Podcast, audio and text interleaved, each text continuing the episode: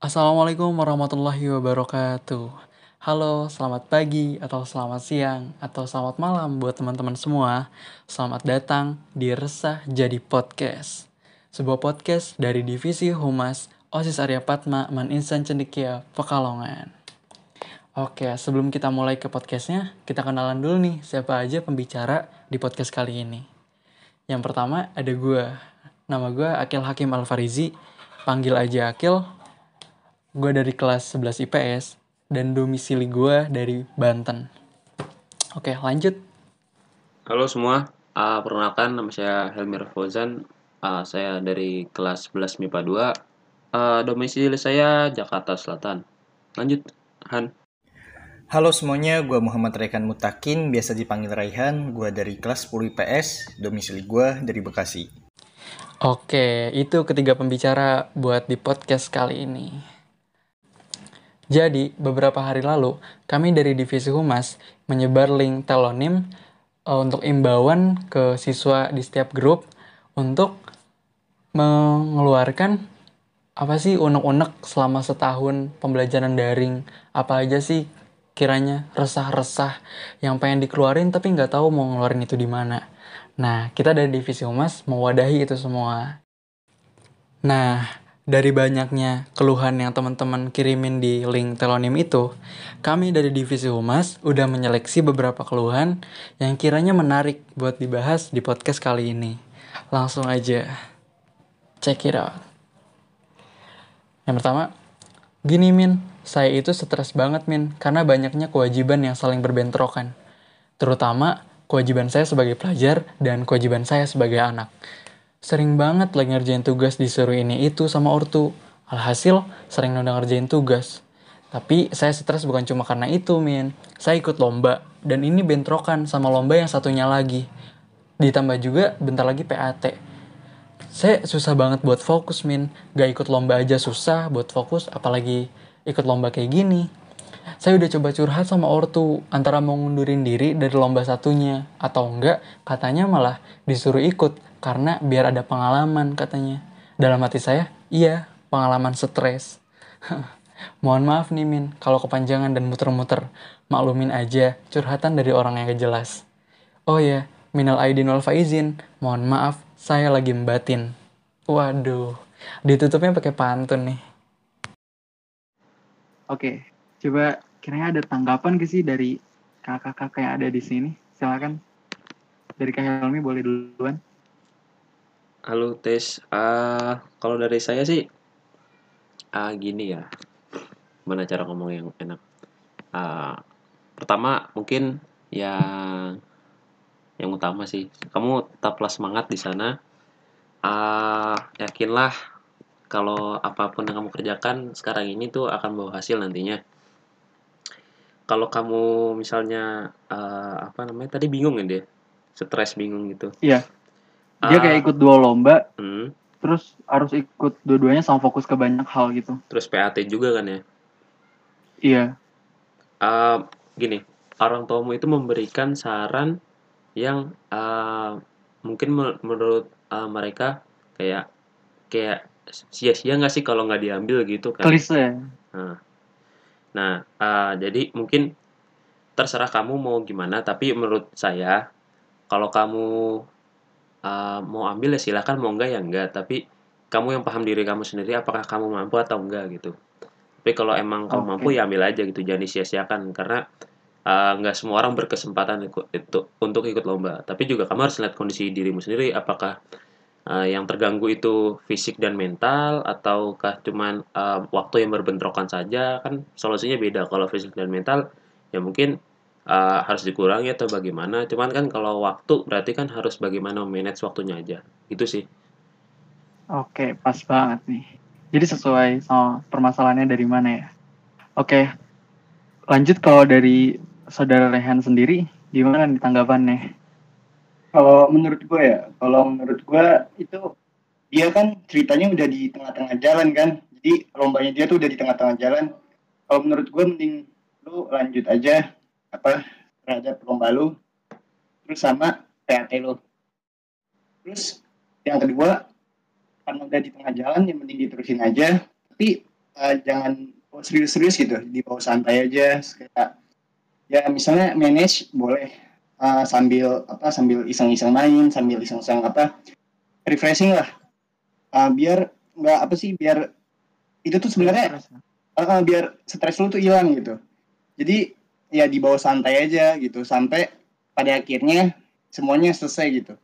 Tapi di antara lomba sama PAT menurut gue utamain PAT dulu sih karena kan PAT itu emang hasil akhir itu buat ya bisa buat masuk univ bisa bisa buat masuk ya pokoknya itu apa rekam jejak nantinya. jadi lo gitu. Kalau lomba kan cuma hitungannya menang atau kalah sama pengalaman gitu. Jadi ya di antara keduanya mending fokus ke PAT aja gitu. Yeah. jadi sekarang mending dibanding lo terlalu pusing sama lomba lu mending apa uh, banyakin iseng-iseng sambil baca-baca pelajaran juga gitu. Sambil nyicil-nyicil kan PAT juga minggu depan kan.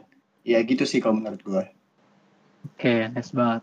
Tapi kalau dari gue pribadi setuju sih sama Elmi sama Rian. Jadi pengalaman yang sekarang yang lu susah-susah itu bakalan berguna nanti di ke depannya. So intinya buat lu tetap semangat. Lu pasti nggak sendirian ada teman-teman yang ngedukung lo oke lanjut silakan Rehan oke lanjut ke Halo kakak OSIS, kalau bikin acara jangan mepet-mepet ya kasih tahunya. Tugas udah banyak, kerjaan rumah juga udah banyak, kalau mendadak ya pusing kitanya. Apalagi teman-teman sekelas juga kadang nggak kooperatif, diajak diajak obrol malah diem aja. Huh, duh ini kayaknya emang sih ya. ya bikin acara mepet-mepet juga karena proposal kan butuh proses gitu ya. Kayak misalnya acara lomba gitu. Butuh proses sampai akhirnya diterima sekolah baru kita ngesosialisasiin ke teman-teman. Tapi kalau menurut uh, kakak-kakak di sini itu gimana sih apa solusinya terhadap teman yang nggak kooperatif sama sama dianya? Terus habis itu uh, terhadap kitanya juga yang terlalu mepet ngasih tahu ada lomba-lomba dan event-event lainnya. Menurut kakak ada hmm. tanggapan atau ada saran-saran untuk masukan untuk kita untuk masukan untuk si penulis ini? Gimana kak? Dari Kak kita dulu nih. Eh, dari ketua osis kita dulu deh kak Helmi Waduh, gimana kak? dilempar langsung ke saya dong. Ya uh, untuk kamu yang uh, ber, ber, memberikan apa namanya curhatan ini uh, kami saya saya pribadi mewakili rekan-rekan osis meminta maaf uh, yang sebesar-besarnya karena sering terjadi kegiatan yang mendadak, yang mepet, yang apa ya mendadak terus juga malah kayak ribet gitu. Kalau mendadak single kan mending ya ini mendadaknya ribet gitu. Kami uh, saya mewakili yang lain kami uh, memohon maaf yang sebesar besarnya minal aizin wal faizin juga. Uh, kalau uh, apa untuk teman-teman yang tidak kooperatif yang seperti itu uh, menurut saya mungkin bisa lebih apa ya uh, lebih ke personalnya dulu masing-masing aja gitu. Kamu uh, dekati masing-masing orangnya dulu kayak deket satu orang. Kan pasti adalah teman yang kayak sering dibuat PC sering buat cerita yang kayak gitu-gitu dulu. Nah yang kayak gitu-gitunya diperbanyak dulu orang-orangnya. Nanti kalau misalnya kamu udah ini anggaplah grup kelas ya. Kamu udah agak banyak kan uh, bangsa-bangsa kamu di kelas itu uh, mulailah tuh kayak meramaikan grup kelas. Terus apa namanya sering nyeletuk-nyeletuk kagak jelas kayak gitu. Atau paling enggak apa ya uh, kalau misalnya nggak mau nyeletuk-nyeletuk yang gini sering-sering apa ya ini bukan mengajarkan yang jelek ya cuman kayak kalau ada tugas gitu share-share aja gitu. Kayak uh, kamu minta jawaban apa gitu. Eh minta tolong dong ini MTK yang ini nggak nggak paham langsung share aja di grup gitu ngomong. Terus nanti uh, ada juga yang nge-share jawaban. Kayak gitu diseringin ntar lama-lama juga uh, terbentuk sendiri apa ya interaksi yang bikin kamu tuh kooperatif sama teman-teman kamu. Kayak gitu sih. Mas Akil gimana Mas Rehan? Kalau dari gue pribadi buat kegiatan osis yang mepet um, uh, menurut gue ya kita anggap aja setiap kegiatan osis itu buat selingan refreshing aja gitu loh. Gak usah terlalu dibawa beban. Karena uh, mau gimana ya kita hidup juga harus nikmatin dan juga kalau kiranya ada tugas ya selesaiin dulu tugasnya baru kita fokus sama ada perlombaan dari osisnya intinya jangan dibawa beban jangan dianggap kayak ini tuh wah kayak ribet segala macam yaudah nikmatin aja pasti bisa lewatin kok semuanya tapi mohon maaf ya kalau kiranya mepet Next. Oke, next ke Kak Helmi nih. Pertanyaan, eh curhatan selanjutnya. Oke, nih ada yang curhatan ini masih berhubungan sama yang tadi nih kayaknya. Iya, Gimana masih. pendapat kakak soal orang yang nanya di grup tapi nggak ada satupun yang responnya sedih banget sih ini. Kayak itu ada grup tapi useless gitu, nggak ada yang respon. Nah dari um, Mas Rehan gimana Mas Rehan? Menurut menurut Iya, dari gue ya. uh, gue tuh ya apa akhir-akhir ini dibanding awal-awal kita masuk gitu kan awal kita kan kenal ya saling kenal terus habis itu apa saling awal-awal baru kenal. Itu makin ke sini tuh kayak makin sepi gitu. Misalnya guru nanya karena ada yang mau ikut? Kalau misalnya tidak juga tidak apa-apa gitu. Kayak ibarat ya punya dikacangin aja gitu. Kayak ya gimana sih kayak dalam hati tuh kayak "Duh, ini pengen jawab juga malu kan apa kayak ibarat freak banget gitu. Ya buat kalau itu dari pribadi juga gue ngerasa freak kan. Hilangin rasa freak kalian terus habis itu eh, gedein rasa empati lah kalian terhadap orang yang ngechat di grup itu misalnya ada yang nanya guys hari ini ada Google Meet nggak padahal mah yang baca banyak tuh di WA kan kalau WA bisa ketahuan ya ada yang baca berapa ya, bisa bisa. Iya bisa kan. Nah tapi nggak ada yang jawab tuh. Kan kita juga sebagai yang si penulis di grupnya kan juga ngerasa kayak keasingan gitu. Ya, jadi buat kalian yang yang ngerasa masih freak buat menjawab tentang kalian di grup karena takut ngerasa kalian garing atau apa, yang penting jawab aja gitu daripada apa kalahin ego ego itu kalian. Gitu sih kalau menurut gua. Kalau menurut Kak siapa? Kak Akil gimana? Oke, kalau dari gue pribadi, gue ada triknya sih. Jadi gue uh, ngechat teman dekat gue dulu secara pribadi, gue omongin kiranya apa perlu gue di grup mau ngomongin apa, gue aja ngobrol dulu tuh dia dikit. Terus nanti gue ajak dia buat respon di grup, biar ada respon ada timbal balik gitu loh. Ibaratnya buat ngeramein ya kan. Karena biasanya orang uh, gak mau respon karena orang gak ada orang lain yang mau respon. Ibaratnya gak ada yang mau mulai gitu loh. Iya. Jadi kalau bisa lu chat dulu aja teman dekat lu, ajak dia buat ngobrol di grup. Nanti juga yang lain pada pasti muncul kok. Ya gitu sih. Dan kalau menurut gua kita kan gak bisa kontrol orang lain ya. Jadi kita lakuin trik yang bisa kita lakuin biar orang lain tertarik buat ikutan nimbrung juga gitu. Ya Kalau dari Kak Helmi Ya. sendiri gimana nih? Gimana tadi kayak Mas Rehan ada yang mau ditambahin kayak masih belum puas. Ah, enggak, itu tuh cuman apa biar kita kagak ngerasa kekacang gitu. Jadi sebelum ngechat di grup yang forumnya lebih rame, kita chat temen deket dulu kan ya Kak Akil ya, maksud Kak Akil gitu kan. Iya, Eh, Buat- biar ada timbal balik kompromi lah. Iya, gitu sih. Ya. Ke Kak Helmi nih, kayaknya ada solusi juga dari Kak Helmi. Waduh, saya sih sebenarnya uh, setuju sama kalian berdua. Pertama dari pribadi masing-masingnya dulu, dari kita di Rehan bilang, jangan takut kelihatan aneh, jangan takut kelihatan caper gitu. Yaudah pede aja gitu. Soalnya uh, uh, kalau kamu dari sekarang belum, kalau lu pada dari sekarang masih canggung-canggungan kan ya, gimana nanti di IC, di IC itu apa ya? Semua akhlak baik dan buruk mah akan kelihatan di sana gitu. Iya, Jadi- 24 jam bareng ya. Uh, mending uh, apa ya? Trans- transparan aja sekarang gitu daripada nanti teman-teman kamu udah menyesuaikan oh dia ternyata orang ini tapi begitu lihat aslinya terus beda terus dijauhin kan juga gimana gitu kan ya mending uh, kaget. uh, uh, transparan aja nggak apa-apa gitu terus juga kalau untuk kalau ke yang grup-grup gitu ke grup kelas grup angkatan gitu. Grup angkatan sih yang bisa parah ya kira di angkatan kita. Nggak parah sih cuman kan terkadang suka kayak gitu. Eh ya ya Akil bilang tadi dibikin planning sama teman gitu dibikin plan gimana caranya biar menarik eh apa namanya Teman-teman menarik per- buat respon. eh, untuk orang lain respons. Saya juga sering apa eh, kayak gitu yang kayak Akil bilang. Apalagi kalau pengumuman-pengumuman osis eh kalau disebar di grup angkatan itu nggak langsung kayak broadcastnya doang nggak gitu. Ada ada apa prolognya dulu ada narasi dulu ada dialognya dulu sama teman-teman kayak gitu. Jadi eh, biar orang tuh baca kalau baca langsung tulisan panjang kan kayak aneh gitu ya. Jadi baca yang pendek-pendek dulu kayak gitu. Nah kalaupun ada yang mau ditanya ya ya udah langsung kalau saya pribadi ya saya langsung lempar aja gitu. Eh bodo amat apa yang apakah dibalas apakah enggak ya udah bodo amat biarin aja lo beberapa menit atau beberapa jam Atau kalau misalnya nggak dijawab ya udah baru uh, kayak nanya ke grup kelas atau ke ataupun PC gitu. Kalau tambahan Hmm. dari saya sih eh apa ya? Ya sering-sering ngeramein tadi yang saya bilang kayak pertanyaan si Rehan sebelumnya. Sering-sering nyeletuk, sering-sering bahas yang nggak jelas, bahas-bahas yang kayak apa sih ini kayak nggak perlu dibahas nggak sih kayak gitu ya. Pertanyaan-pertanyaan kayak gitu tuh sering-sering dilakukan aja nanti juga bakal berasa efeknya kayak gimana. Gitu sih. Oke. Lanjut ya. Iya. Lanjut ada juga yang ngisi nih.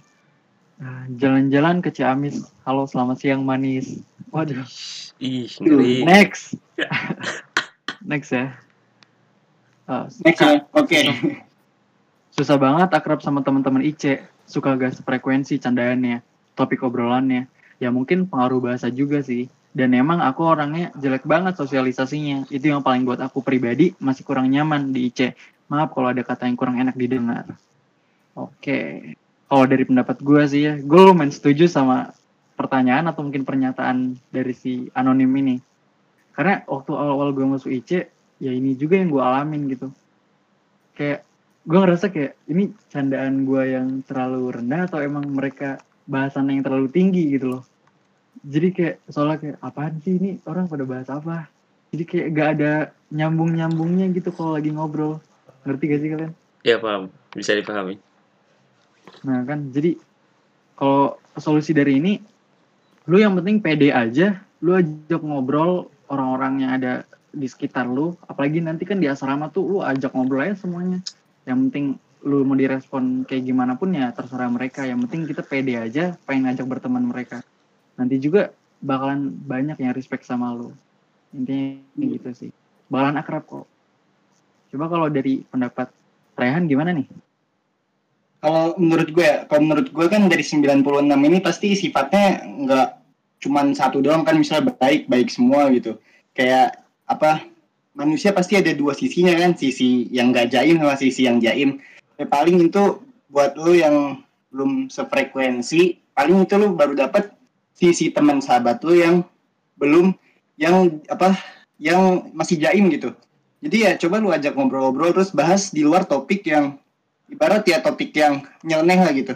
Yang ibarat yang emang bukan terlalu penting diomongin tapi emang asik diomongin gitu. Jadi ya sering-sering ngobrol sama temen lu nanti juga bakal frekuensi itu bakal nyambung sendiri gitu. Lama-lama jokes-jokesnya misalnya jokesnya lu terlalu tinggi atau jokes lu terlalu rendah juga lama-lama temen lu bakal ngikutin jokes lu. Gitu Iya, sih. bakalan sejalan lah ya. Bakal sejalan, bakal nyatu lah ya. Eh. Kalau menurut Kahil nih gimana? Eh, gini, kalau Kak, ini yang bagi anonim yang menulis ini, kamu itu eh, kurang dalam menggalinya karena tidak ada seorang pun di C yang tidak punya teman sefrekuensi. Paling nggak adalah satu orang. Mungkin eh, belum ketemu aja sih. Itu bisa cowok bisa cewek. Saya nggak bilang harus cowok sama cowok cewek dengan cewek ya, bisa cowok dengan cewek gitu. Mungkin belum nemu aja orangnya siapa gitu. Dan kalau misalnya jokes-jokes kamu nggak masuk, ya ya udah ikutin aja alurnya garing-garing terus aja cuma nanti lama-lama kayak bakal nemu di titik ini saya harus menyesuaikan dengan mereka gitu jangan kamu jangan egois mereka Kayak menyesuaikan diri kamu kamu kamulah yang harus menyesuaikan ke mereka gitu jangan egois menyesuaikan ke diri kamu gitu dan kalau apalagi kita bertiga kan ini ya beda kultur banget sama yang di sana kan Iya benar sih. Nah, apa? Ya menyesuaikan diri aja lah sama di sana. Ntar juga dapat informasi dulu pengalaman baru gitu. Jangan apa? Jangan egois. eh, apa sih mereka nggak nyambung? Monggo gue nggak mau teman sama mereka. Ya nggak, ya nggak gitu caranya. Eh, kalau kayak gitu terus ya nggak bakal punya teman dan apa ya? Ya bakal terasingkan di sana. Udah ikutin aja alurnya. Hah. Ntar juga masuk sendiri kok gitu. Gitu sih. Makanya sosialisasinya jelek kayak gitu. Dia kan bilang dia kayak ibarat pemalu lah gitu ya. Nah, Ada saran nggak kak? Ini buat ngilangin pemalunya dia gitu, pemalu si telonim ini. Oh, kalau dari gue sih bukannya orang sosialisasinya jelek ya, cuman lu nya aja yang terlalu mikirin respon orang lain tentang terhadap apa yang bakalan lu lakuin itu. Ya, seperti yang gue bilang tadi, lu tinggal lakuin aja, coba ngobrol aja sama mereka. Karena eh, dialog itu kayak ibaratkan tembok eh, perbatasan antara ego lu sama akrabnya lu sama dia gitu loh jadi lu harus uh, rubuhin tembok perbatasan itu biar lu akrab sama mereka gitu ya lu adaptasi aja gitu. Karena aja gitu. di hidup di zaman sekarang ini kalau misalnya lu gak bisa adaptasi ya lu gak bisa hidup men. Harus bisa survive gitu. Itu sih dari gue ya Kalau kalau dari Kak Elmi gimana nih Kak? kalau dari gue sih ya nggak jauh beda malah sama Akil lah gitu. Kalau emang lu merasa sosial sosialisasi lu jelek ya ya lu harus adaptasi bener kata Akil lu harus ada- harus adaptasi. Nggak bisa gitu aja. Lu harus mengupgrade mengupgrade diri lu untuk uh, bersosialisasi dan sosialisasi lu harus jadi bagus gitu. Ya kalau zaman sekarang nggak bisa adaptasi gimana mau mau kolaborasi kan? Soalnya sekarang zaman kolaborasi juga. Tapi kan diawali dengan adaptasi. Jadi Eh, kalau apa merasa ya? sosial sosialisasi lo jelek ya lu harus berjuang gimana biar nggak jelek. Udah gitu Eh, gini apa sayang gitu. Lu kan udah pinter gitu. Terus habis itu ibarat lu udah pinter tapi pemalu kan sayang. Pinter lu kagak kepake gitu kan. Nah. Dia kalau misalnya eh, kalau misalnya ada orang yang lagi rame-rame ya lu nimbrung aja gitu. Soalnya kan IC tuh nggak ada circle circle kan. Nggak ada lah. Iya benar. Iya benar sih dan ju- oke kita lanjut kali ya. Lanjut atau mau lanjut bahas ini? Kita lanjut aja ya. Lanjut Lanjut ke pertanyaan selanjutnya. Eh, halo Kak, mau nanya dong, menurut Kakak Kak Humas, gimana caranya ngelola uang THR? Waduh, makasih. Gimana nih Kak? Dari Kakak Humas deh, berarti Kak Akil ya, dari Kak Akil lo deh. Kalau Kak Akil gimana Kak? Wow. Oke. Gue sebenarnya agak bingung mau jawabnya gimana karena ya, uang THR gue tuh kayak apa ya? Hitungannya kayak sumbangan gitu loh. Kecil banget. Makin gede makin kecil ya, kita makin dewasa makin kecil ya. Iya asli. Oke, kalau cara gue ngelola uang THR kemarin itu, gue pribadi sih ya, gue langsung alokasiin 80% dari uang THR itu eh, nabung di reksadana. Jadi ya kira belajar ngeri soal- ngeri reksadana gitu. Jadi gue langsung alokasiin itu 80% ke sana buat nabung nanti buat rencana keuangan gue gitu loh. Ya bodo amat karena biasanya kalau didiemin tuh ya, tahu-tahu diajak nongkrong habis berapa gitu kan. Terus diajak temen habis Iya sih, lagi scrolling Shopee, tahu-tahu tiga barang di check out kan gak tahu ya setan dari mana pasti ada aja yang kayak gitu. betul Makanya inisiatif gue langsung 80% langsung eh, ter- taruh di reksadana ya 20% ya bodo amat gue jajan makan gak makan ya gue tetap bisa makan masih punya keluarga bos udah sih gitu aja dari gue Kita kan ya kita next podcast buka kelas reksadana. Iya. waduh waduh nggak gitu sih Iya. Udah pengalaman banget nih kayak apa saham-sahaman kayak gini. Ma- masih belajar sih masih belajar Iya. masih jauh Oh, kalau menurut coba Kak kalau Helmi dari gimana? Kak Helmi gimana nih Eh, kalau dari gue pribadi ya mungkin kayak Akil di persen persenin lah apa kebutuhan lo kalau gue eh, untuk sementara ini gue belum begitu mengatur mau dikemanain karena ya masih sibuk persiapan PAT juga jadi gue pikir dalam beberapa minggu ke depan tidak akan terpakai dan baru gue atur eh, mungkin setelah PAT lah. Dan eh, ya kalau dari gue mungkin sekitar 20% lu pakai buat nongkrong-nongkrong terus 20% untuk kayak uh, kebutuhan apa ya keinginan lu gitu. 20% kayak lu ah gue pengen beli baju ya, kayaknya nih sabi nih beli baju. Kalau 20% cukup ya atau enggak paling enggak dari duit itu kalau misalnya kebeli satu baju beli satu baju aja gitu atau satu sepatu gitu. Itu itu untuk memuaskan.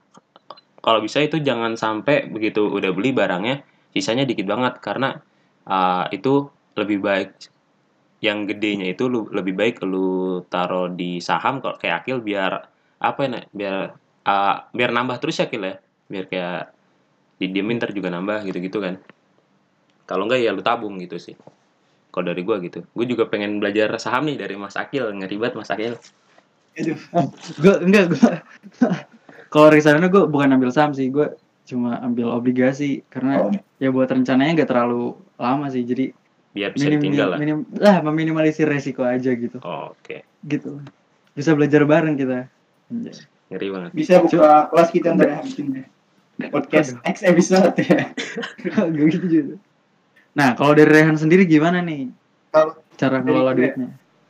kalau dari gue cara ya, ya lu bagi 50-50 aja gitu. Jangan sampai yang 50% itu pakai serah mau buat senang-senang mau buat eh buat nongkrong sama temen. Tapi jangan sampai lebih dari 50% gitu. Jadi yang 50% tuh lu alihin ke investasi yang kata kakil tadi gitu. Jadi biar duit lu tuh makin beranak beranak beranak terus kan. Iya invest aja lah gitu. Invest aja. Mau pengen tabung kok.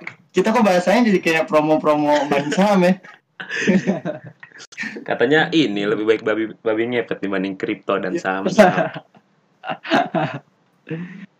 Tertarik sih gue. Aduh. waduh. Lanjut nih ya. Eh, mungkin ini sudah di penghujung apa podcast kita pada hari ini pada kesempatan kali ini Eh, mungkin gue di sini juga mau minta sebagai penutup gue mau minta doa kepada teman-teman sekalian para pendengar eh, kepada saudara-saudara kita yang berada di Palestina yang sedang berjuang. Semoga diberikan apa namanya ya diberikan keselamatan oleh Allah Subhanahu wa taala. Terus juga eh, apa perjuangan mereka tidak sia-sia pada akhirnya nanti. Dan untuk saudara-saudara yang sudah gugur semoga eh, disyahidkan sehingga langsung menuju surganya Allah Subhanahu wa taala. Dan juga eh, mau minta doanya pada teman-teman pada eh, belakangan belakangan hari ini banyak eh, wali murid dari uh, siswa-siswa Man IC yang uh, sudah mendahului kita menuju Allah Subhanahu wa taala. Semoga uh, dipertemukan kepada Allah Subhanahu wa taala dalam surganya Allah dan uh, Amin. keluarga yang ditinggalkan diberikan ketabahan dan kesabaran. Amin. Amin. Amin. Mungkin bisa Al-Fatihah dulu sekali ya. Iya. Mungkin bisa Al-Fatihah dalam hati masing-masing. Dalam mungkin ada pendengar yang berbeda agama bisa menurut kepercayaan masing-masing. Kalau kami yang muslim membaca Al-Fatihah.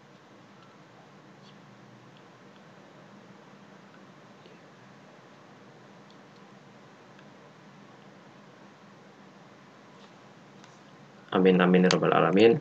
Uh, Amin. mungkin cukup sekian saya kembalikan kepada Mas Akil. Oke, kita udah di ujung acara podcast kali ini. Terima kasih buat teman-teman yang udah nyimak sampai akhir. Sampai ketemu lagi di lain kesempatan. Assalamualaikum warahmatullahi wabarakatuh. Waalaikumsalam.